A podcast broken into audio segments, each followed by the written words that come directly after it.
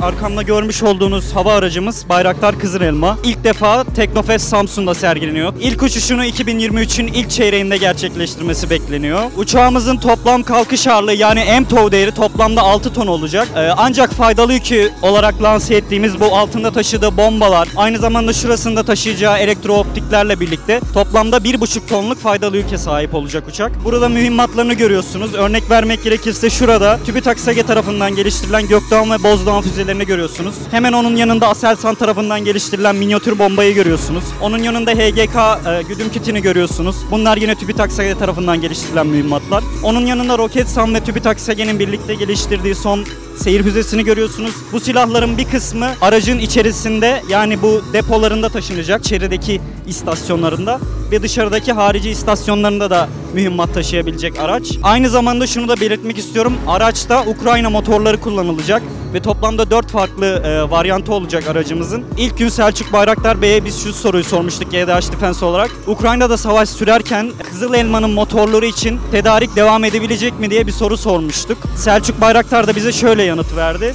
Ukrayna'nın motorları zaten tedarik etmeye başladığını ve tedariğin sürdüğünü belirtti. Aynı şekilde Selçuk Bey o röportajda şundan da bahsetti. Uçağın ilk uçuşunu 2023'te icra etmesinin ardından 2 yıl sonra e, envantere girmesini beklediklerini kaydetti.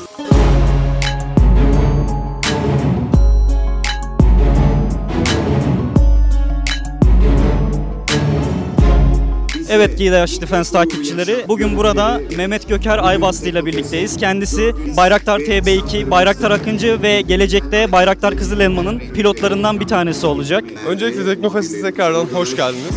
Uçağımız insansız, muharip jet uçağıdır. Türkiye'de üretilen ilk insansız jet uçağı olacak. Dünyada çok yeni bir teknoloji, çok yüksek hızlarda keskin manevra kabiliyetlerine sahip bir uçak. Aynı zamanda uçağımızın en büyük özelliklerinden biri inşallah TCG Anadolu gemisi gibi kısa pistli gemilerden kalkış sağlayabilecek. Takribi 1000 kilometre kadar bir görev yarıçapına sahip, 500 deniz mili kadar bir görev yarı- yarıçapı planlıyoruz kalktığı yerden. Onun haricinde İHA'mız diğer İHA'larımız gibi uzaktan kontrol edilebilen, görüş ve görüş öte- ötesi kontrol imkanı sunan bir İHA. Burada yerde görmüş olduğunuz bütün yerli mühimmatlarla beraber Türkiye'de üretilmiş olan ve e, hava araçlarına entegre edilebilen bütün yerli mühimmatları uçağımıza entegre etme çalışmalarımız sürmektedir. Sayın pilotum ben size şöyle bir soru yöneltmek istiyorum. Bayraktar TB2 SİHA'lar ve Bayraktar Akıncı TİHA'lar zaten aktif olarak kullanılıyorlar. Peki Bayraktar Kızıl Elma'yı biz şu anda niye inşa ediyoruz? Tam olarak Türk ordusunun buna niçin ihtiyacı var? Dediğim gibi çok yüksek hız ve keskin manevra kabiliyetine sahip. Bu da demek oluyor ki Kızıl Elma hava hava muharebelerde rol oynayabilecek bir güç çarpanı bizim ülkemiz için. Aynı zamanda Kızıl Elma ile ilgili planlarımızın arasında sürü İHA olarak uçuş planlamakta. Yani bu birden fazla Kızıl Elma'nın beraber kol uçuşu yapabilmesi, beraber görev yapabilmesi anlamına gelmekte. Hava aracımız maksimum 45 bin fit irtifayı hedeflemekteyiz şu anda. 45 bin irtifa ile beraber 25 bin 35 45 bin arasında seyir yapmayı yani operasyon irtifa olarak 35 bin fiti hedeflemekteyiz.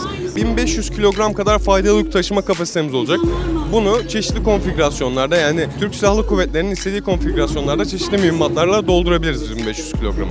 Sayın Göker, arkamızda gördüğümüz Bayraktar Kızıl Elma'nın e, ikinci üretim prototipi olduğunu biliyoruz. Bundan önce bir tane daha üretilmişti. Peki bunun aviyonikleri, motorları ne zaman entegre edilecek?